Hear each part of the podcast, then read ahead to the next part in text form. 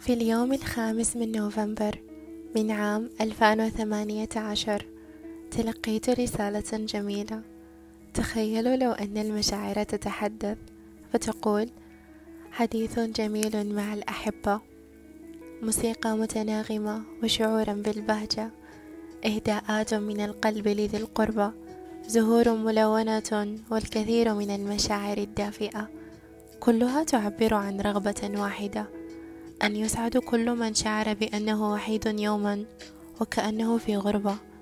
ولكن قد يحدث أن يوجد أناس لم يجربوا أحاسيس العزلة فيمنحونك بدل كل وردة شوكة تجرح بها فتتألم دون بلسم يداوي هذه الحفرة. وقعت الآن في فخ من لا يحنو على الآخرين ولو بكلمة ويرمي سهام أقاويله دون أي خشية.